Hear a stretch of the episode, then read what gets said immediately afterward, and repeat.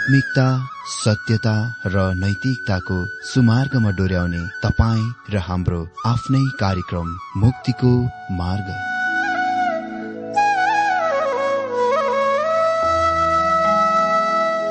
आदरणीय श्रोता यस मुक्तिको मार्ग कार्यक्रममा हार्दिक स्वागत छ।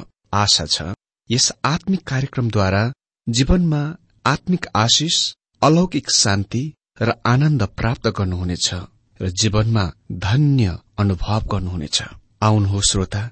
मन र आत्माको तयारीको लागि यो मिठो अनि मधुर भजन गीत सुनौ।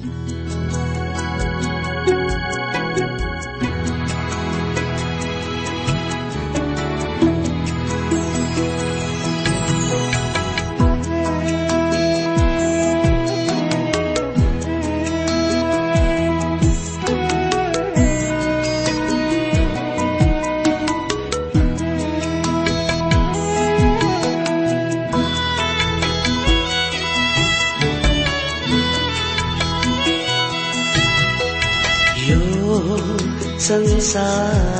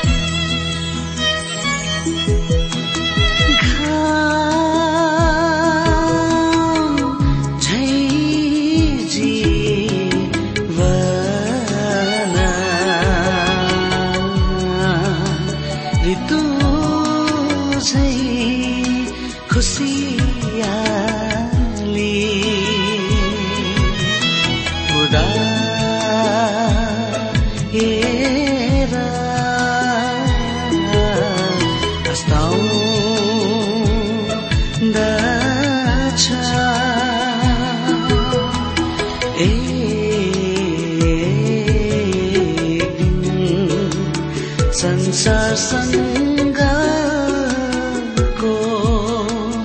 हाम्रो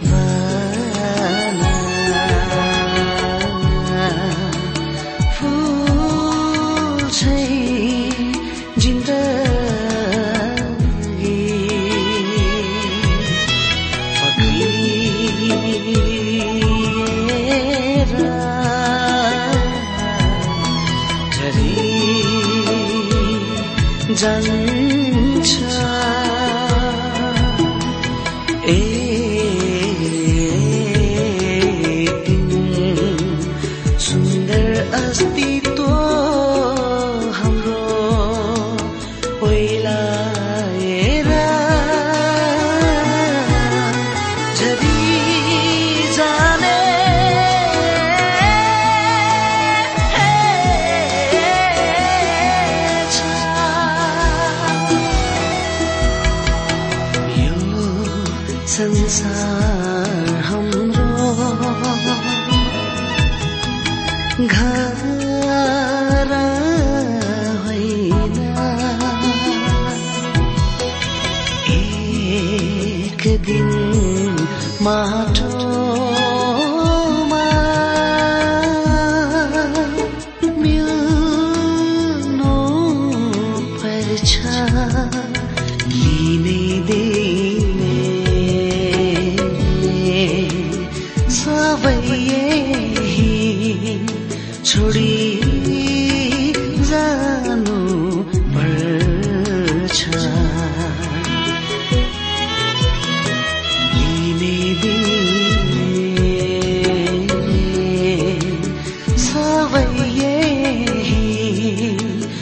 यो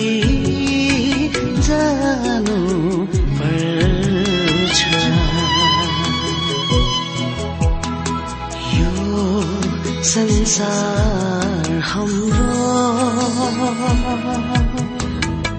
साँच्चै नै यो संसार हाम्रो घर होइन हामी त केवल दुई दिनको पाहुना मात्र हौ। बाफ जस्तै उडी जान्छ हाम्रो जीवन। अवश्य हराएर विलीन हुन्छ। तर परमेश्वरको वचनले भन्दछ मृत्युपछि पनि जीवन छ। जसले क्रिस्ट यसोलाई आफ्नो उद्धारकर्ता र मुक्तिदाता भनी विश्वास गर्दछ।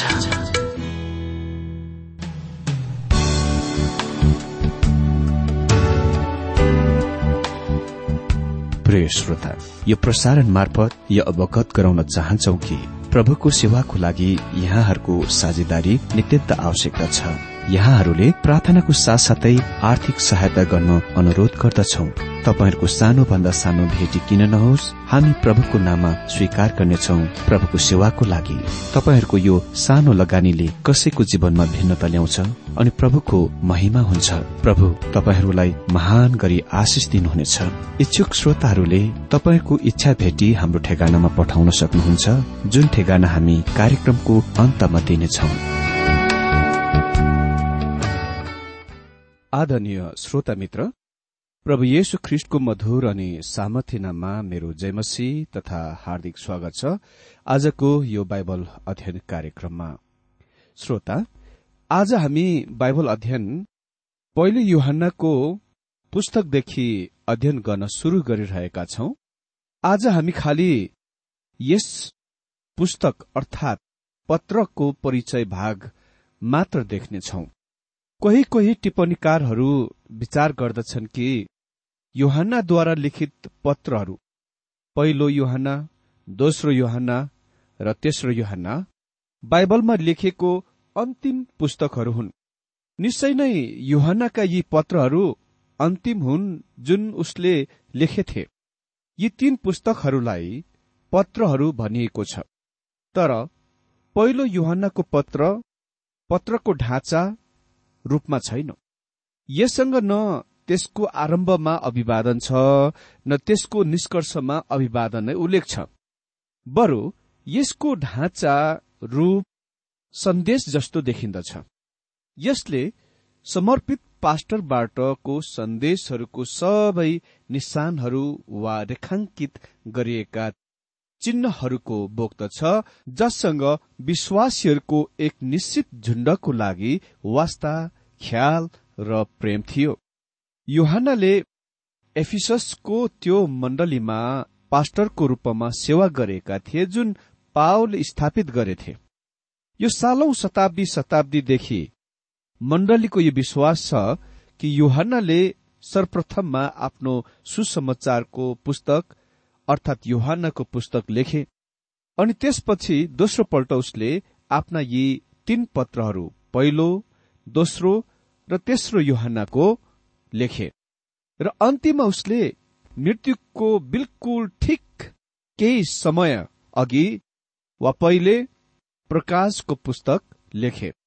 यो शताब्दी शताब्दीदेखि चर्चको मण्डलको विश्वास र धारणा थियो। तर केही साल पहिले केही बाइबल विद्वान र टिप्पणीकारहरू यो विचारमा आए कि योहन्नाले आफ्ना यी तीन पत्रहरू आखिरीमा लेखे। त्यसकारण युहानले उसको यो आफ्नो पहिलो पत्र पद्मसको टापु वा द्वीपमा उसको कैदपछि लेखे। यसले यो युहन्नाको पहिलो पत्र लेखेको मिति करिब सय इस्वी सम्बततिर राख्दछ। युहाना एफिससमा मरे र त्यहाँ नै दफनाइए। पाँच शताब्दीमा जस्टिनद्वारा योहन्नाको चिहानमाथि सन्त योहन्नाको नाममा एक ठूलो भवन बनाएथे। यो पहिलो युहनाको पत्रलाई राम्ररी बुझ्नु हामीले दोस्रो शताब्दीको सुरुवात वा आरम्भमा एफिसस सहरको बारेमा केही कुरा जान्नै पर्छ। त्यहाँ चार महत्वपूर्ण भाव्यहरू थिए जुन एफिससमा र पूरा रोमी साम्राज्यभरि प्रबल भएको थियो। पहिलो त्यहाँ क्रिस्चियन मत वा क्रिस्टियानिटीसँग आसन सरल सुपरिचय वा मेलजोल थियो। धेरै विश्वासीहरू प्रथम पहिलो क्रिस्चियनहरूका छोराछोरीहरू र नाति नातिनीहरू थिए। क्रिस्चियन विश्वासको नयाँ र उज्जवल ज्योति धुमिलो बनिसकेको थियो। त्यसको चमक हटिसकेको थियो। नयाँपना हटिसकेको थियो। पहिलो वा अघिका दिनहरूमा वा अघिका दिनहरूका महिमा र उत्साह ओइलैसकेको थियो। तिनीहरूको जीवनमा जोस उमङ्ग कति पनि रहेको थिएन। ती दिनहरूमा अर्थात् आरम्भको दिनमा ख्रिस्टको निम्ति जुन प्रेम जुन विश्वास जोस उत्साह उमङ्ग थियो तिनीहरूका अब कति पनि त्यस्ता कुराहरू थिएनन्। तिनीहरूका विश्वासको जीवन ओइलिसकेको थियो। त्यसकारण प्रभु येशुले एफिससका विश्वासीहरूलाई योहनाद्वारा एउटा पत्र पठाएका थिए जब युहना पद्मसको टापुमा देश निकालावासमा अर्थात निर्वासन जीवन जिरहेका थिए। उसले भने प्रकाश दुई अधिको चार पदमा तरै पनि तिम्रो विरोधमा मेरो केही कुरा छ किनकि तिमीले आफ्नो पहिलो प्रेमलाई छोडेका छौ। यो हुनेछ भनी वास्तवमा प्रभु येशुले तिनीहरूलाई धेरै लामो समय पहिले नै चेतावनी दिनुभएको थियो। मती चौबिस अध्यय चौध पद अनुसार। अधर्म बढेको हुनाले धेरैको प्रेम सेलाउनेछ। एफिसीका विश्वासीहरूका ख्रिसप्रति भक्ति र समर्पण निच पतनमा थियो वा घटेको स्थितिमा थियो। अनि दोस्रो क्रिस्चियन मत वा ख्रिस्टियानिटीको उच्च सिद्धान्तहरूले ख्रिस्टियनहरूलाई भिन्न वा अलग बनाएथ्यो। र पहिलो ख्रिस्टियनहरूका छोराछोरीहरू र नाति नातिनीहरू अलग भिन्न बन्न चाहँदैनथे। विश्वासीहरूलाई सन्त वा पवित्र जनहरू भनिन्दथे। अनि यो ग्रिक शब्द हेगियोसबाट आउँदछ। यो शब्दको खास प्राथमिक अभिप्राय यो हो परमेश्वरको खास प्रयोगको लागि अलगाई वा अलग गर्नु।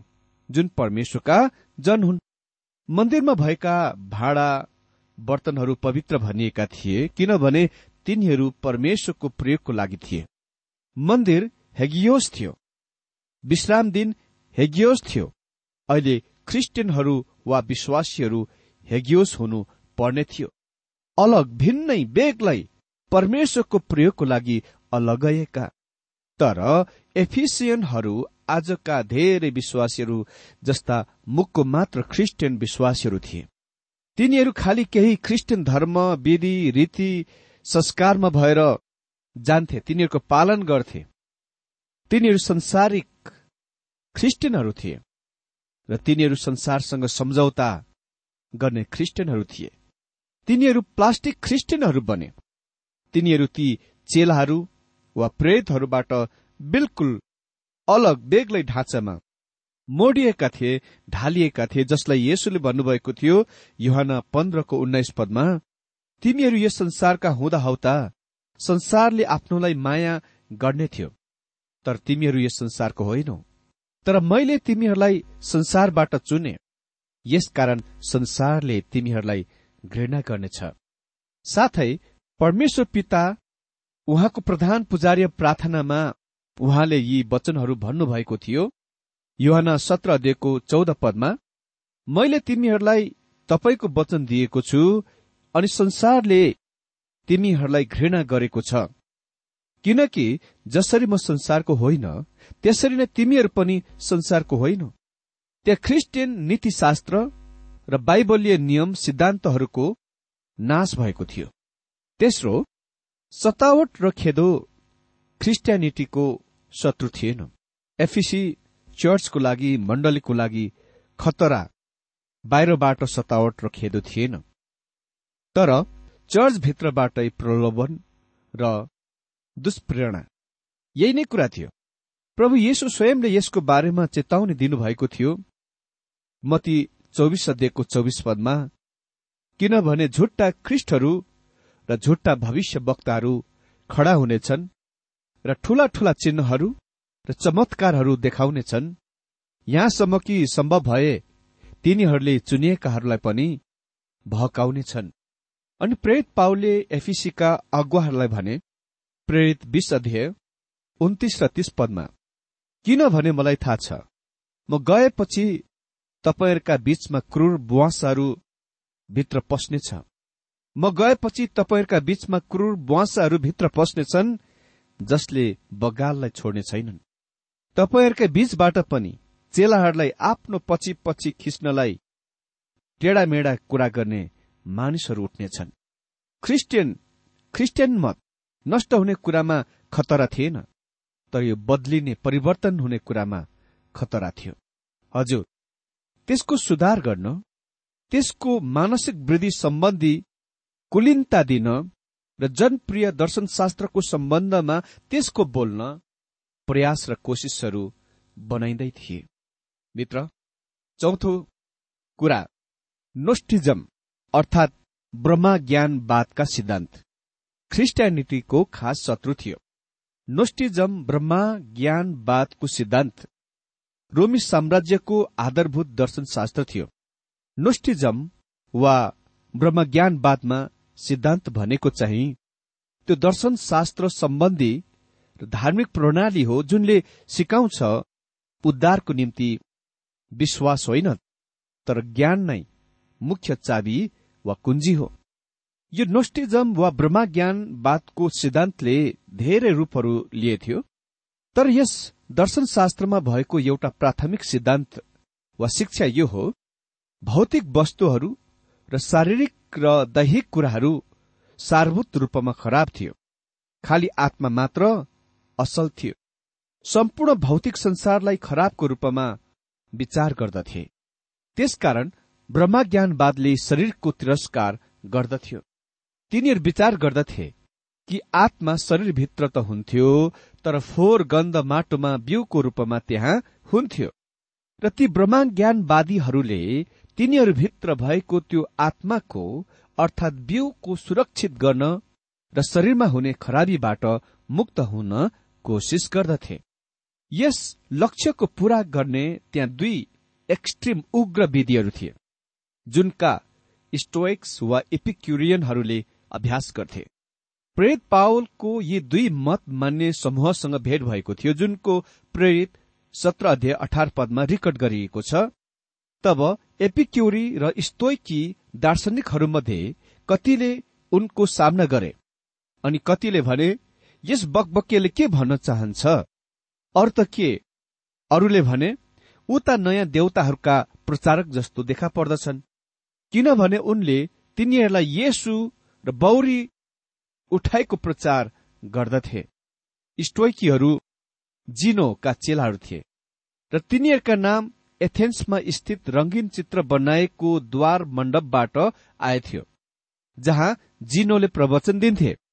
तिनीहरू अनेक देव आस्थावादीहरू थिए जसले विचार गर्दथे कि बुद्धिमान मानिसको मनोविकार अनुरागबाट स्वतन्त्र हुनुपर्छ। बुद्धिमान मानिस मनोविकार अनुरागबाट स्वतन्त्र हुनुपर्छ र हर्ष वा शोकद्वारा छोइनु हुँदैन असर गरिनु हुँदैन प्रभावित गरिनु हुँदैन। र प्राकृतिक नियम व्यवस्थाप्रति आज्ञाकारी हुनुपर्छ। तिनीहरू अति नै यातनापूर्ण कठोर नियमहरू र आत्मा अनुशासनको अभ्यास गर्दथे। एपिक्युरियनहरूले आफ्नो नाम एपिकुरसबाट लिएथे जसले एथेन्समा सिकाउँदथे तिनीहरूले ओलम्पस पर्वतमा स्थित ग्रीक देवताहरूको ग्रहण गर्थे। तिनीहरू विचार गर्थे सत्य तर शुभ भोग इन्द्रिय सुख नै जीवनको अनुसरण थियो। आरम्भमा तिनीहरूले मानसिक सम्बन्धी बौद्धिक सम्बन्धीको बुद्धि ज्ञानको सन्तुष्ट गर्न कोसिस गरिरहेका थिए। इन्द्रिय सुख भोग विलास र तृप्ति थिएन। तर पछिबाट तिनीहरूले आफ्ना चेलाहरूलाई शरीरका अभिलाषहरूको सन्तुष्ट गर्न सिकाए ताकि यसले तिनीहरूलाई कति पनि दिग्दा नगरोस्। यिनै यी दुई एक्सट्रिम उग्र स्टोइकी दर्शनशास्त्र र एपिक्युरियन दर्शनशास्त्र बीच भिन्नता थियो। तर तिनीहरू सबैले येसुको मसिहत्वको इन्कार गरे। म विश्वास गर्दछु युहनासँग तिनीहरूको आफ्नो मनमा थियो जुन उसले पहिले युहना दुईको बाइस पदमा लेखे झुट अरू को हो र त्यो बाहेक जसले येसु नै ख्रिष्ट हुनुहुन्छ भन्ने कुरालाई इन्कार गर्छ। जसले पिता र पुत्रलाई इन्कार गर्दछ त्यही हो ख्रिष्ट विरोधी। तिनीहरूले परमेश्वरको मानव चोलामा अवतारको इन्कार गरे। यो तर्क गर्दै कि परमेश्वरले मानव शरीरको धारणा गर्न सक्नुहुन्न किनभने सबै शरीर खराब हो। त्यसकारण युहनाले स्पष्ट रूपमा घोषणा गरे योना एक अध्ययको चौध पदमा अनि वचन शरीर हुन आयो अनि हामीहरूका माझमा अनुग्रह र सत्यताले पूर्ण भएर बास गर्यो अनि हामीले पिताको एक मात्र जन्माएको पुत्रको महिमा जस्तो उहाँको महिमा देख्यौं। अनि युहान आफ्नो यो पत्रमा लेखे पहिलो युहान चार अध्ययको दुई र तीन पदमा यसैबाट तिमीहरूले परमेश्वरको आत्मालाई चिन। येशु ख्रिस्ट शरीरमा भई आउनुभएको हो अनि येशु ख्रिस्ट शरीरमा भई आउनुभएको हो भनी स्वीकार नगर्ने हरेक आत्मा परमेश्वरबाटको होइन अनि यो चाहिँ ख्रिस्ट विरोधीको आत्मा हो। जसको विषयमा त्यो आउँछ भन्ने तिमीहरूले सुनेकै छौ र अहिले पनि संसारमा छँदैछ। अनि अर्को डोसेटिक ब्रह्मज्ञानवादको सिद्धान्त वा नोस्टिजमले विचार गर्दथ्यो जबकि अवतार बिल्कुल असम्भव थियो किनभने परमेश्वरले आफै स्वयंले कुनै खराब कुरा जस्तै शरीरसँग संगम गर्न मिलाउन नसक्नु भएकोले गर्दा तिनीहरूले सिकाउँथ्यो। येसुसँग मानव शरीर भएको जस्तो देखिन्थ्यो। वास्तवमा उहाँसँग त्यस्तो कुनै कुरा थिएन। उदाहरणको लागि जब उहाँ हिँड्नुभयो उहाँले आफ्ना खुट्टाका चिन्हहरू छोड्नु भएन। सेरेन्थस आफ्नो शिक्षामा अति नै चलाक चतुर थियो उसले घोषणा गरे त्यहाँ थुप्रै मानव येसु र ईश्वर ख्रिस्ट थियो भनेर। त्यो ईश्वरत्व उहाँमाथि उहाँको र आफ्नो बत्तिसमामा आएको थियो र त्यो ईश्वरत्वले उहाँलाई क्रुसमा छोड्यो। मित्र प्राचीन चर्च पिता पुर्खाहरूले यो झुट्टा मत र झुट्टा शिक्षाको विरूद्धमा लडे र यो कुराको कायम राखे उहाँ मानव अवतारमा आउनु भएको परमेश्वर स्वयं हुनुहुन्थ्यो। यो मेरो दृढ धारणा हो कि युहानले आफ्नो यो पहिलो पत्र ती ब्रह्मज्ञानवादी वा ब्रह्मज्ञानवाद सिकाउनेले सिकाउने सिद्धान्त वा दर्शन शास्त्रका त्रुटिहरूका उत्तर दिन लेखे। वास्तवमा पहिलो युहन्नामा पाँच प्रकारका उद्देश्यहरू व्यक्त गरिएका छन्। पहिलो युहन्ना तीन पदमा तिमीहरूले पनि हामीसँग र अरू विश्वासीहरूसँग पितासँग र उहाँको पुत्रले येशु ख्रिससँग संगति पाउन सक अनि दोस्रो पहिलो अध्ययको चार पदमा अनि तिमीहरूका आनन्द पूरा होस्। अनि तेस्रो दुई अध्ययको एक पदमा तिमीहरूले पाप नगर। चौथो चार अध्ययको तेह्र पदमा तिमीहरूसित अनन्त जीवन छ भन्ने कुरा तिमीहरूलाई थाहा होस्। र पाँचौं पाँच अध्ययको तेह्र पदमा परमेश्वरको पुत्रको नाउँमा तिमीहरूले विश्वास गरे। यसपछि यस पुस्तकको रूपरेखा पनि हेरिहालौ। पहिलो युहन्ना पहिलो युहन्नामा परमेश्वरले तीन परिभाषाहरू दिएका छन्। परमेश्वरको बारेमा परमेश्वर ज्योति हुनुहुन्छ परमेश्वर प्रेम हुनुहुन्छ र परमेश्वर जीवन हुनुहुन्छ जुनमा मैले यी पत्रको तीन मुख्य विभाजनहरूको रूप दिन वा बनाउन प्रयोग गरेको छु। सर्वप्रथममा अध्याय एकदेखि एक पददेखि लिएर दुई अध्यायको दुई पद अनुसार मुख्य विषय हो परमेश्वर ज्योति हुनुहुन्छ। अनि यस मुख्य विषयको अन्तर्गत शाखा विषय हो प्रस्तावना एक अध्याय पद एक र दुई कसरी साना नानीहरू जो विश्वासीहरू हुन् परमेश्वरसँग संगति पाउन सक्छ? पहिलो युहान तीन अध्यायदेखि दुई अध्यायको दुई पद अनि फेरि यो शाखा विषयको पनि उपशाखा विषय हो। पहिलो अध्यायको तीनदेखि सात पदमा ज्योतिमा हिँडेर दोस्रो एक अध्याय आठदेखि दश पदमा पापको स्वीकार गरेर प्रस्ताव गरेर अनि तेस्रो दोस्रो अध्याय एकदेखि दुई पदमा ख्रिस्टको वकालतद्वारा मध्यस्थद्वारा ख्रिस्टको मध्यस्थ वा वकालतद्वारा। अमित्र त्यसपछि दोस्रो मुख्य विषय हो दुई अध्याय तीन पददेखि चार अध्यायको एक्काइस पद अनुसार परमेश्वर प्रेम हुनुहुन्छ। अनि यस मुख्य विषयको शाखा विषय निम्न प्रकार छन्। पहिलो दुई अध्याय तीनदेखि चौध पदमा कसरी प्रिय सन्तानहरू एक आपसमा संगति पाउन सक्छन्? दोस्रो दोस्रो अध्याय पन्ध्रदेखि अठाइस पदमा प्रिय सन्तानहरूले संसारलाई प्रेम गर्नु हुँदैन। अनि तेस्रो दुई अध्यायको उन्तिसदेखि चार अध्यायको एक्काइस पदमा कसरी प्रिय सन्तानहरूले एक आपसलाई जान सक्छन् र एक आपसमा एक साथमा रहन सक्छन्? अनि फेरि यो शाखा विषयको पनि उपशाखा विषय हो। पहिलो दुई अध्याय उन्तिसदेखि तीन अध्यायको तीन पदमा उहाँका सन्तानहरूको लागि पिताको प्रेम। अनि दोस्रो तीन अध्याय चारदेखि चौबिस पदमा कर्म क्रियामा विश्वासीहरूलाई स्वभावहरू। अनि ग चौथो अध्याय एकदेखि छ पदमा झुट्टा शिक्षकहरूको विरूद्ध चेतावनी। अनि घ चार अध्याय सातदेखि एक्काइस पदमा परमेश्वर प्रेम हुनुहुन्छ। साना बच्चाहरू सन्तानहरू एक आपसमा प्रेम गर्छन्। मित्र अनि तेस्रो मुख्य विषय हो पाँच अध्याय। पाँच अध्याय अनुसार परमेश्वर ज्योति हुनुहुन्छ। अनि यस मुख्य विषयको शाखा विषय हुन् पाँच अध्यायको एकदेखि पाँचमा सरकारमाथि विजय अनि पाँच अध्याय छदेखि एक्काइस पदमा उद्धारको निश्चयता। परमेश्वर आजको यो बाइबल अध्ययनद्वारा हरेकलाई धेरै धेरै आशिष दिनुभएको होस्।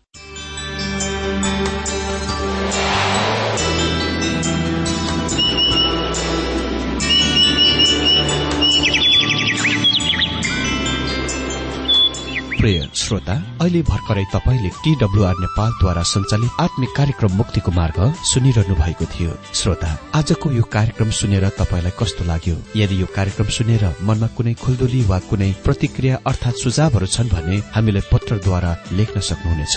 हामी हृदयदेखि नै स्वागत गर्नेछौ स्वीकार गर्नेछौ साथै बाइबल सम्बन्धित प्रचारहरू कार्यक्रम सारणीहरू हामी अनुरोधमा पठाउन सक्छौ। अनि तपाईँसँग कुनै प्रार्थनाको विषय छन् भने हामीले तपाईँको लागि प्रार्थना गरेको चाहनुहुन्छ। हुनुहुन्छ भने प्रभुमा आफ्नै परिवार सम्झेर हामीलाई पत्रमा लेख्न सक्नुहुनेछ।